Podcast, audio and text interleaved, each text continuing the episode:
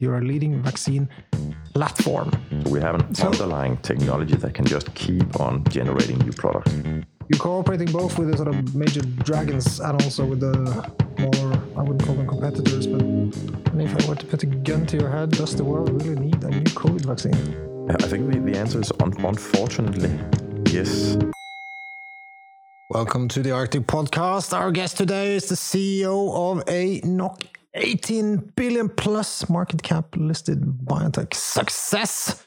Our guest today is, however, not from the land of uh, fish and oil where we're recording this, but uh, he is from the land of insulin, hearing aid technology, Novo Nordisk, Lundbeck, ALK-Abelló.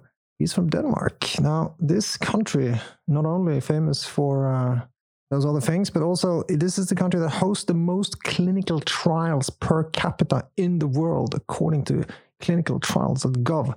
He studied biotechnology at the Technical University in Denmark. He used to work for a number of international biotech companies. Now, why is he in Norway?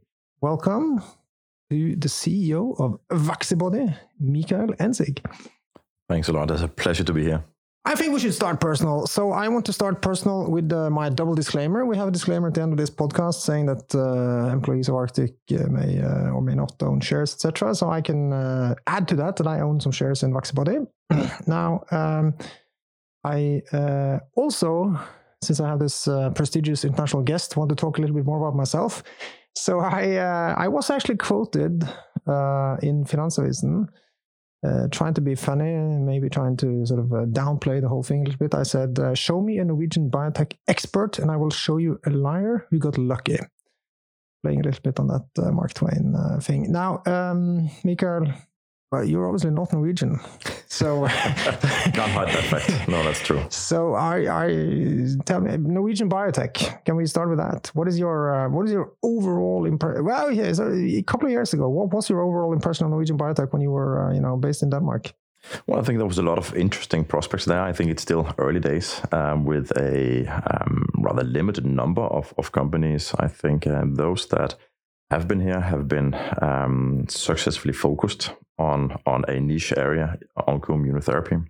That, that's an area that where I think the Norwegian infrastructure, so the connection both with the university hospitals, the research that goes on, so the basic research and the companies, biotech companies, is uh, is strong enough to achieve a critical mass, whi- which is necessary. So Um, Algeta is like the one big success that a lot of people talk about, Mhm. and, and you think Algeta was so that was that mixture of the university and the, the scientists and and a niche you said as well. Well, I, th- I think to, to achieve success in this, you need uh, an infrastructure, a critical mass of in- infrastructure between the, the universities, the researchers that actually basically you know, is going to lift the research in the future, and the industry that is that is there. Uh, the investors need to be um, educated enough to, to go into these these uh, risky businesses, um, and then you need the the companies to get out there and actually build up industry experience and that, that's why I think Norway still have a little bit of road in, in ahead of uh, ahead of um, you or us, um, yeah, to build up sufficient industry volume so you can actually you know, self-supply experts in the various areas of uh, not only early research but also late stage development. We should uh, import more people like you. We should uh, we should put out big signs and uh, well, we're getting to that, but I guess you are doing that in Vaccibody. But uh, we should. You're saying we should hire more people. We should get more people to come to Norway and work in the biotech sector. Definitely, I think that that that, that should be a priority for, for the government and the authorities. We we are touching upon risk. I think early on. Um, just because, obviously, I mean, we talked about Algeta, but I mean, uh, let's be fair. There's been a number of uh, not Algeta, so a lot of uh, stocks have pointed the other way. So it's been a lot of uh, stocks have gone wrong. Uh, I'm looking at a uh, front page from Finansavisen this week. Uh, DNB uh, per, uh, DNB had a price target of 350, and now SEB says uh, Oncopeptides is worth uh, 0.35. So you know that's binary risk for you. Um, do you want to comment a little bit on sort of, I guess, biotech in general and the risk level in general? Well, I, I think it's not a secret, and, and I hope it should not be a surprise for investors that drug development, drug discovery and development per se, is an inherently risky business. Um, that there is a huge amount of investment needs, takes a long time. There is many, many opportunities for failure, but if you make it, then there's a very high reward. So it's high risk, high reward. And that's what the pharma companies have specialized in dealing with over the years, over the decades. And it's what's the best biotech companies specialize in. The, the biotech companies have benefits compared to the pharma companies in, in doing this, especially in, in the early discovery, the innovative part, and bringing it effectively through the, the development. Pharma companies are today probably much better than biotechs in commercializing. So I think everybody should be, be um, should, should realize that this is high risk, high reward um, business. And you have some companies that put all money on a few assets. And if it works, then you have again a very effective conversion of the investments into value. Uh, if it fails, then unfortunately, it's it's a large sum of the value that goes away uh, in a very in a, in a moment. You have other companies that put their bets on many assets, broader uh, pipeline, where um, the risk of a total collapse is, is small. Um, and obviously, also the, the total uh, reward for success is also diluted onto many assets. Yeah, I looked a little bit at uh, the uh, overall uh, results, and I guess uh, just looking at the last 10 years, it was interesting to me that uh, the biotech index is, is a winner. Along, it's just around the same annual compounded return as the Nasdaq, with about 20 21%. Uh, that's uh, more than two times the Oslo index, which uh, doesn't exclude, uh, doesn't include very much biotech. And uh, it's much better than the MSCI Nordic as well. The only market that I found that was sort of near was Copenhagen.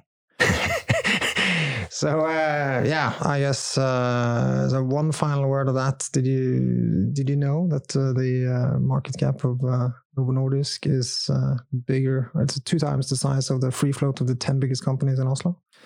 I think Novo Nordisk is, is a special company. uh, and a disclaimer there: my wife works in Novo Nordisk, so uh, so uh, I have a little bit of interest in that one also. Oh, your family, your family has, uh, expo- has exposure def, to the def, share. Definitely. No, no, it's a, it's a success story, and and I think. Um, what's impressive with Novo is, is their ability to focus on a few areas and keep innovating themselves, reinventing themselves.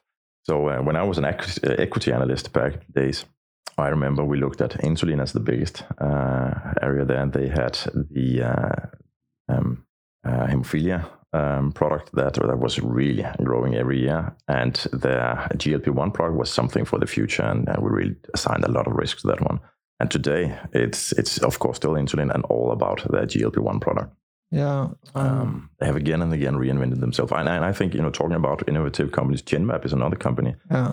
That I really look up to. A company that have proven now the ability to to innovate again and again despite setbacks, and and today is a terribly successful biotech company with products on the market.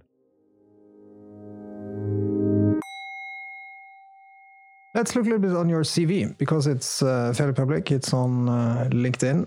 you used to work for uh, Nycomed, Takeda. You used to work for uh, uh, some other companies as well. Uh, now, can you? Yeah, let's start off with the sort of the whole thing. Oslo. You did. You used to work in Germany. It looks like you used to work in Zurich and obviously Copenhagen. Uh, what made you move to Oslo?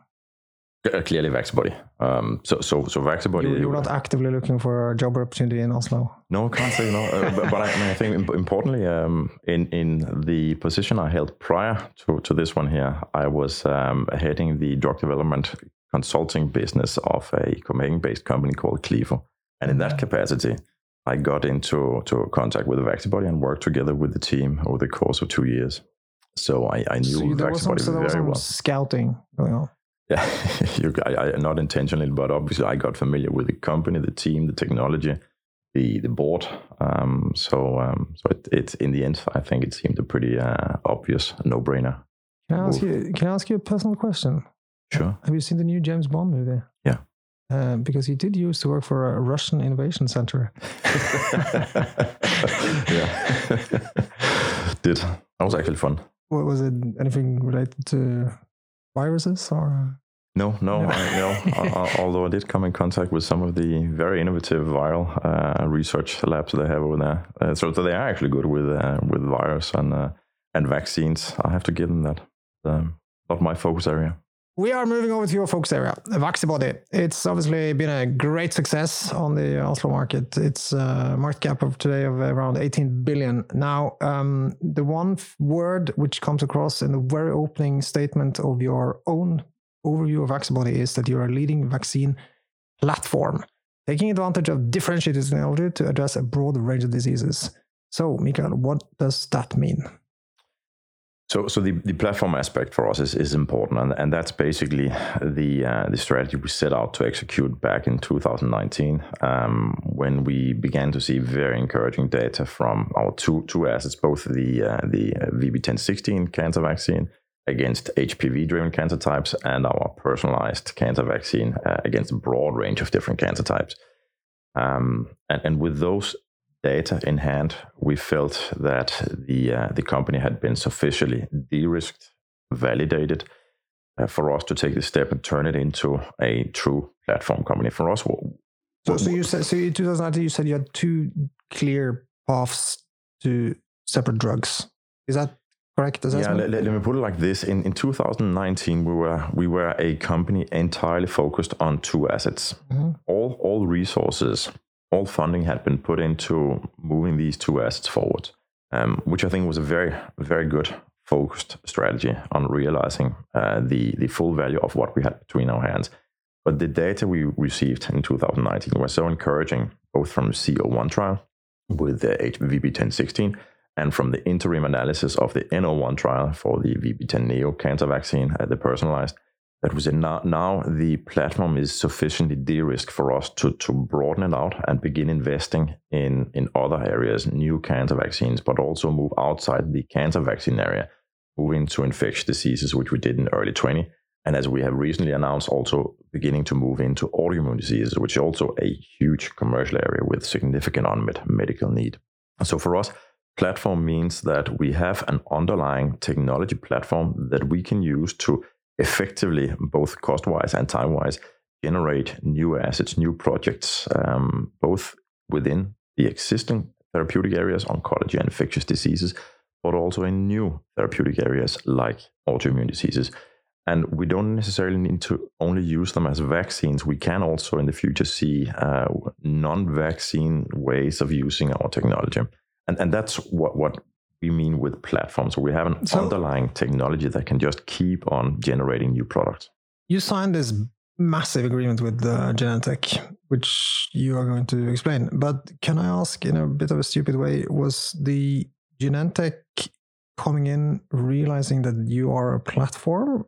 That you know there are many ways to Genentech making money on their investment, or was it a little bit the other way around that? Uh, you saw that with Genentech coming in for a small part of our business, we can become a platform? No, we, we knew upfront that we could become a platform. We, okay. had, we had taken that decision. Um, but obviously, the Genentech deal um, served us very well in many purposes. It de risked the company in the eyes of the investors. They, they, um, they now how much cash did you get? 200 million uh, US dollars. Upfront. Yeah. So, and but there has been some talks about 750 million dollars yeah, so such an agreement is split into two different phases. You receive an upfront, and then you receive uh, you are potentially eligible for further development and commercialization milestones as you move down the road. And and we have 515 uh, million US dollars in additional potential milestones, plus what we call uh, low double-digit royalties, which we receive then. So that's a percentage on the sales that that Genentech ultimately realizes. So of your two billion dollars market cap, then there is obviously two hundred million dollars of cash, and there is seven hundred fifty million dollars of potential cash, and then there is quite a lot of potential upside from Genentech alone. But can you then elaborate a little bit on to what extent Genentech is limited to how big part of your platform? Yes, Genentech is entirely limited to what we call the fully personalized cancer vaccine. So basically VB10 Neo, which means everything in the we call it off the shelf when you look at our pipeline slide. So that's the VB1016. That's all cancer vaccines that are not produced on an individual basis for one single person. That area is still fully owned by us. We, we retain all the commercial upside of that area.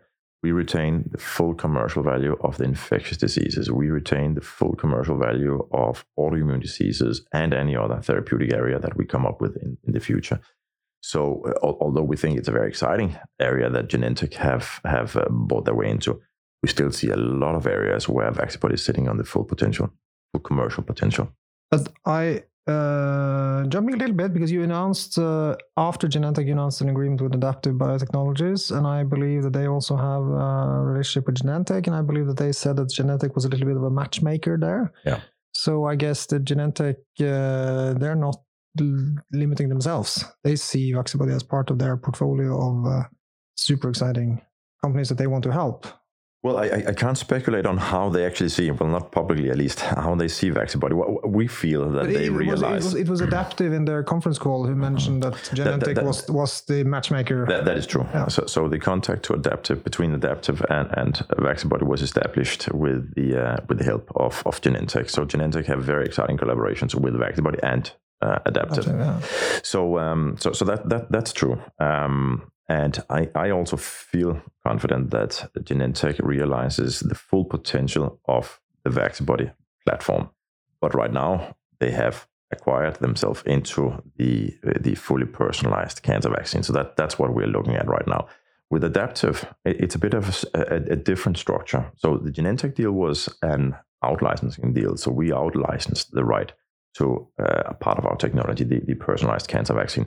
With Adaptive, we did not out-license anything. We in-licensed the right to use a certain part of Adaptive technology, Uh-huh. specifically to use their epitopes. uh, so something, so something that you were missing. So you, you needed something from their side. Exactly. We, we wanted access to their technology to accelerate our own project on that one, which means uh, for the COVID project, where it, which is where we work with Adaptive, Vaccibody is doing the development work, and we sit on the major part of the commercial value of that one.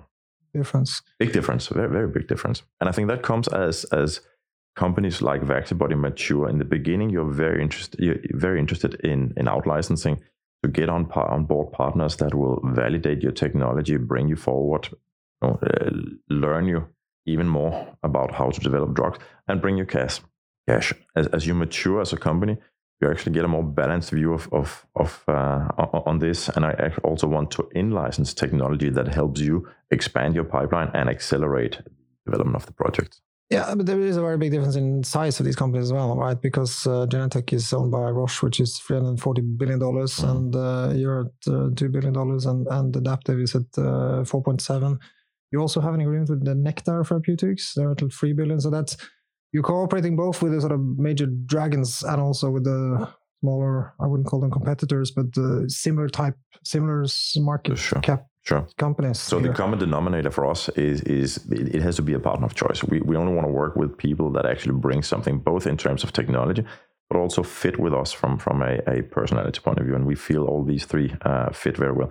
It, importantly to notice, I mean, the Nektar is, is a third uh, type of collaboration. That that that's collaboration.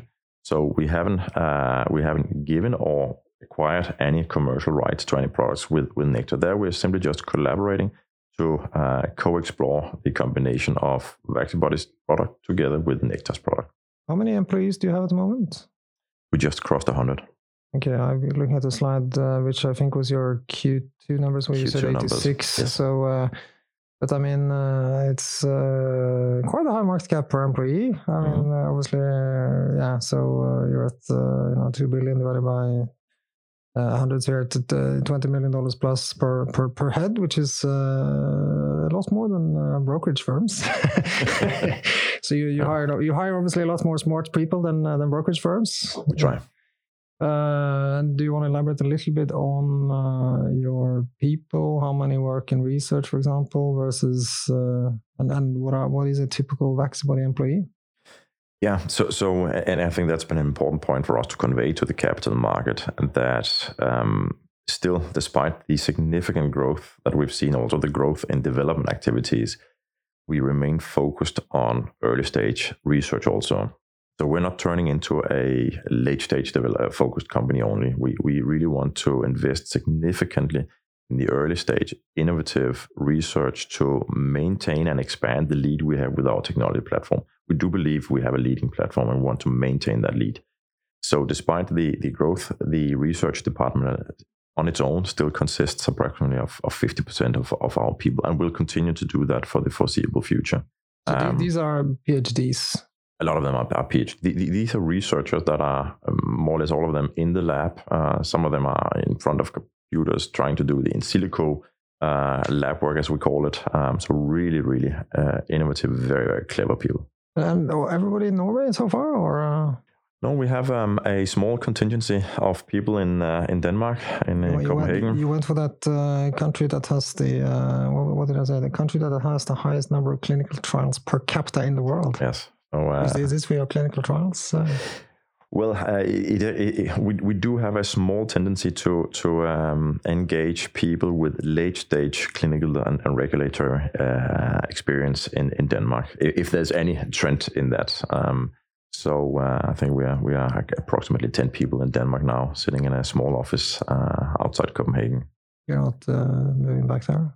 You're Actually, I, I live in Copenhagen. you're living in Copenhagen. yeah, I, thought so- you, I thought you so, lived in uh, Oslo, but you well, I- I uh, commute. You just commute. Uh, okay. uh, how, how many days a week are you in Oslo typically? There's no no typical thing here because uh, COVID, we- COVID, we- COVID has made everything we atypical. travel all over the world. Um, so, so if I'm not traveling everything everywhere else, uh, I, I try to spend a couple of days in Norway uh, every week. And uh, then I should mention that uh, you maybe need to little, work a little bit harder because I looked at uh, Moderna and they're priced at 100 million dollars plus per employee. Yeah, it's a good target, isn't it? It's a good target, Yeah, yes, I think so. Now, on the topic of Moderna, uh, we touched upon adaptive, and um, that's obviously, I think, the latest sort of big new collaboration that you announced. And uh, yeah, I uh, was allowed to ask uh, Lars, the very clever PhD research uh, analyst. He said uh, you should really ask him: uh, Does the world really need a new COVID vaccine? I I think the, the answer is un- unfortunately yes, we, we do. Um, and for, for many reasons. I think, again, unfortunately, these days, these weeks, we are seeing very clearly that we need uh, different approaches to deal with this this challenge. We have a rising number of incidences across Europe, across US, not to mention the the uh, the parts of the world where, where the penetration of the vaccines have not yet uh, really uh, been that successful. But, but even in our parts of, of the world, we see a rising numbers of incidents of breakthrough uh, infections, um, not only in people not vaccinated. So we need we need vaccines that have longer protection than what we have in the market right now. We need vaccines that probably have broader protection, so not only working via and, and neutralizing antibodies. I would like to see vaccines that have a uh, a higher therapeutic window. So the difference between the dose where you see effect and the dose where you see side effects. Uh, for example, in, in, in Scandinavia now, the authorities have rolled back on the use of uh, one of the vaccines against younger people because the, the safety profile is, is not supporting the use in younger people right now. So it's only one that is recommended for, for young people. And that one is, is known to have slightly less efficacy, so effect. So we need something that So, has so Moder- Moderna has more effect, but that's been a little bit maybe risky for younger people. Is that? Uh, that- That's the- one way of formulating Ah, it. And Moderna is right now not recommended for young people Ah. in, in the Scandinavian parts of, of the world. And I think that that that's reflects that the therapeutic window, as we call it, so, so the area where you see effect versus the, the area where you see side effects is, is too small.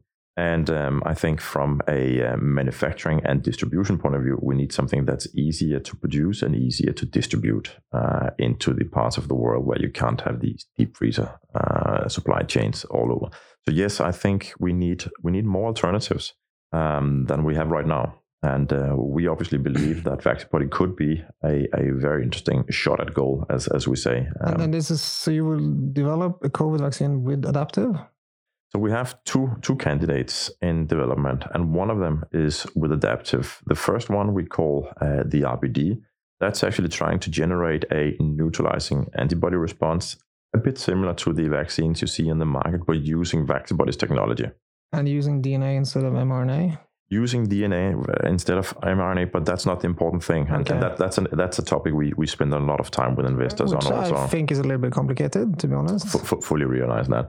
So when, I when I really want to simplify it, shorten it down, I'd say the the naked DNA vaccines that you found ten years ago was sort of the first generation of, of what I call the nucleotide based vaccines, of which mRNA is also one. That was the first generation. For me, the mRNA vaccines was the second generation. And we're seeing you know, the, the, the success of those now in, in a pandemic situation for me, for me, the targeted vaccines, which Vaccibody is where you where you uh, couple the thing you want to vaccinate against to a so-called targeting unit on, on the technology on the platform, uh, sorry, on the protein. is for me the third generation of nucleotide based vaccines. So, so I, I, think we represent the next generation of vaccine technologies versus the mRNA technologies. So, so I don't call Vaccibodies technology a DNA vaccine. We do call it a targeted vaccine.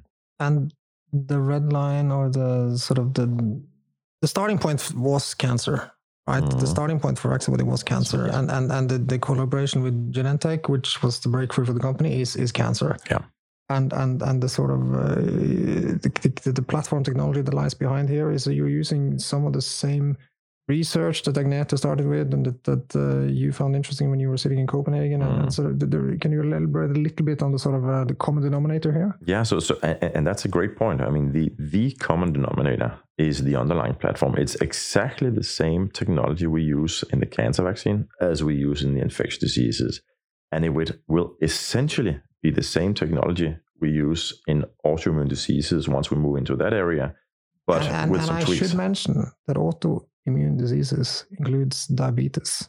And we touched upon Novo Nordisk, where your wife works, that you are very bullish on because of your wife's uh, share options. I'm joking, but uh, okay. So there, so the common denominator is is the technology that that, as you say, was invented by by um, a, a team at the University of, of Oslo, um, where Agnete did her PhD. So her, PhD was centered around this technology.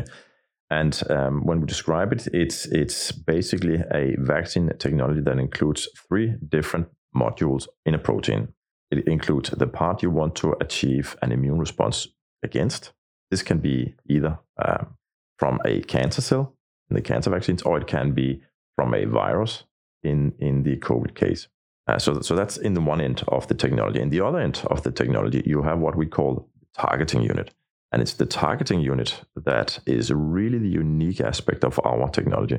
That's the part that brings the antigens to the right cells in the body and makes sure that we achieve a fast and a strong and a long lasting immune response with our technology.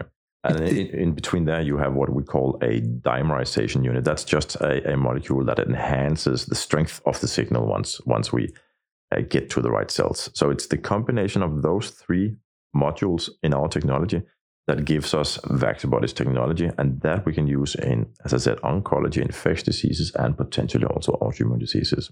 And what is the first thing that's happening here? We are first of all getting uh, when do you think you will maybe get the vaccine against covid?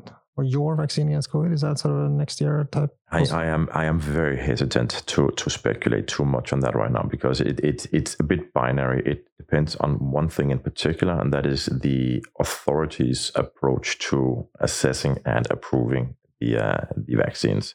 So and that again depends on the situation we'll find ourselves in in three or four months.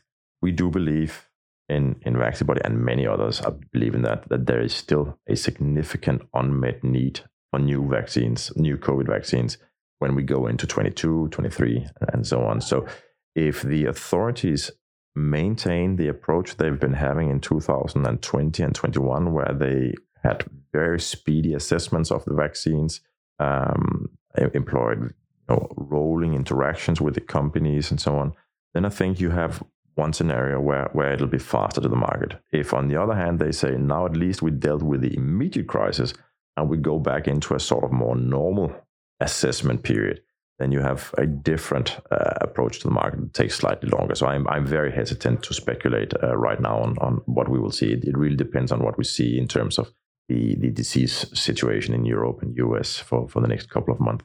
And then over to your cancer pipeline or your sort of expected news flow, you have a slide saying first half 2022 VB10.16 interim clinical data for first patients. Uh, what does that mean? So that means I mean, interim uh, means that we are basically looking at the data and doing the analysis without the study being finalized. So it means that there are patients today that are getting your cancer vaccine. Absolutely. So, so we have um, what was it predefined? So we defined upfront that we'll be doing an analysis of the study, although it's not finalized. That's what we call an interim analysis. Same thing we did with the VB10 Neo, by the way, back in 2019. So in this kind of, of trials that we're talking about here, the CO2 trial, what we'll be looking at is obviously safety and, and tolerance. Um, is, is does it continue to be very well tolerated by the patients? uh, we'll be looking at what what we call immunogenicity. Does it actually raise a specific immune response in the body? And we will also be looking at limited data for uh, how does how does the patient actually do in terms of tumor size and, and so on. But but obviously we are looking at a limited group of patients for a limited amount of time. That that what is that that's what is in the uh, the term interim data. Exciting times ahead. If we were to summarize, when you look into your crystal ball, where do you see? Well, let's start on the software side. Where do you see yourself in five to ten years? Oh, that's a good when you when you look at my CV as you did before, you see that that uh, the Russia. Yeah, yeah. no, that's not likely. Not, not in the next five years, no. But uh, I, I try not to do too much uh, career planning and instead uh, really be be driven by by uh, the, the, interest and, and also the external interest in in my uh, capabilities. So so um, I, I, haven't made any plans. What now. is it? What is Vaccibody in five to ten years? Well, is, we, it, is, it, is it closer to uh, Genmab or closer to Novo Nordisk? No, I, I think um, the guiding stars that we have in uh, in Vaccibody are companies like Genmab, uh, like BioNTech, like Moderna, uh, and these companies have all been been pretty good in coming up with a platform, technology platform that can be used across a broad range of diseases. So, so, so that's why we we really focus on the platform technology. We invest a lot of both funding and people resources into uh, exploiting our platform's uh, uh, potential. So I, I, think probably more in, in that direction. Uh, the Genmab, the the Moderna, and the BioNTech types of, of companies. That that's our aspiration. You'll see us across uh, many disease areas, hopefully, in five years. And if I were to put a gun to your head in terms of, uh, do you think the company will be bought one day, or do you think that you will be able to attract enough uh, talented people in Oslo, Norway, and maybe your Copenhagen satellite office to to well, develop all these drugs? Do you think uh, that's possible? Well, with the interest we see from from uh, from um, the labor market of of highly specialized, innovative, very clever people right now all over the world, I don't think it'll be a problem for Vaccibody to recruit and retain uh, talent in in the future. I'm not too focused on where we do this. Um, I, I, I, always say we want to recruit people where they are. Um, so um, whether we will do it only in Norway and Denmark is not too important for me. If we need to go somewhere else, we'll do that. Um, and I, it's, um, yeah. I, I, tried to read this uh, the, the book about this uh, woman Dauda. She won the Nobel Prize for mRNA. Did you read that book, or you? No, you, no, you know, I did not read that book. Yeah, sure. But I was fascinated actually because it was a lot about that uh, international collaboration. There was some Uppsala was involved, in, mm. uh, and there was something about it was completely dark in Uppsala, and then they were co- cooperating with California, where it was completely sunlight all the time, and and these scientists were working around the clock, and uh, yeah, so there's a lot to be said, I guess, for uh, collaboration across time zones and across uh, laboratories. Uh, absolutely, and that, that's important for us to collaborate with people all, all over, um, not, not not just in in uh, Norway or Scandinavia. We learn a lot from the collaboration with Genentech. We learn a lot from the collaborations with Adaptive and, and also Nektar. Um, so that's that's one of the criteria we have with partnerships in, in the future. They should bring something to to Vaccibody not you know not just only money or technology, um, but something that will also help us build us up to the to the next phase of, the company's evolution. What's the best part of being uh, in Oslo? Uh, some part of the time. What's the best part of being you know in the Oslo? I get you get a lot of attention for. I mean, you wouldn't get the same attention if you were on Nasdaq or even in Copenhagen. You would get a lot less attention. True, but I gotta say the best thing about being uh, in, in, in Oslo with uh, with Vaccibody is, is, I think walking through the door in the morning uh, to to the people sitting there. That's a incredible bunch of people, very innovative, very very clever people. Um, How many nationalities? Actually, I, I, I, heard a number the other day, but but um, I, I, haven't validated it. But but somebody in the company said we had more than twenty different nationalities right now. In, 100 in people, yeah, that's uh, a lot. Uh, wow. Uh, so we get them from all over the world. Vaccibody CEO Michael Engsig, thank you so much for participating in the Arctic Podcast series and spreading that uh, positive uh, Arctic energy. Thank My you. My pleasure. Thank you very much. Thank you. This podcast has been prepared by Arctic for information purposes only. The information, opinions, and recommendations presented in this podcast are for general information only, and any reliance on the information provided in this podcast is done at your own risk. This podcast should not be considered professional advice. The information provided in this podcast is not intended to constitute investment advice, nor is the information intended as an offer or solicitation for the purchase or sale of any financial instrument. Relevant and specific professional advice should always be obtained before making any investment or credit decision. It is important to note that past performance is not indicative of future results. This podcast does not fulfill the criteria for preparing investment research and must be seen as marketing material. All information submitted during this podcast is obtained from public sources that Arctic believes to be reliable, but which Arctic has not independently verified. Arctic makes no guarantee, representation, or warranty as to its accuracy or completeness. No liability whatsoever is accepted for any direct or indirect, including consequential, loss or expense arising from the use of information from this podcast.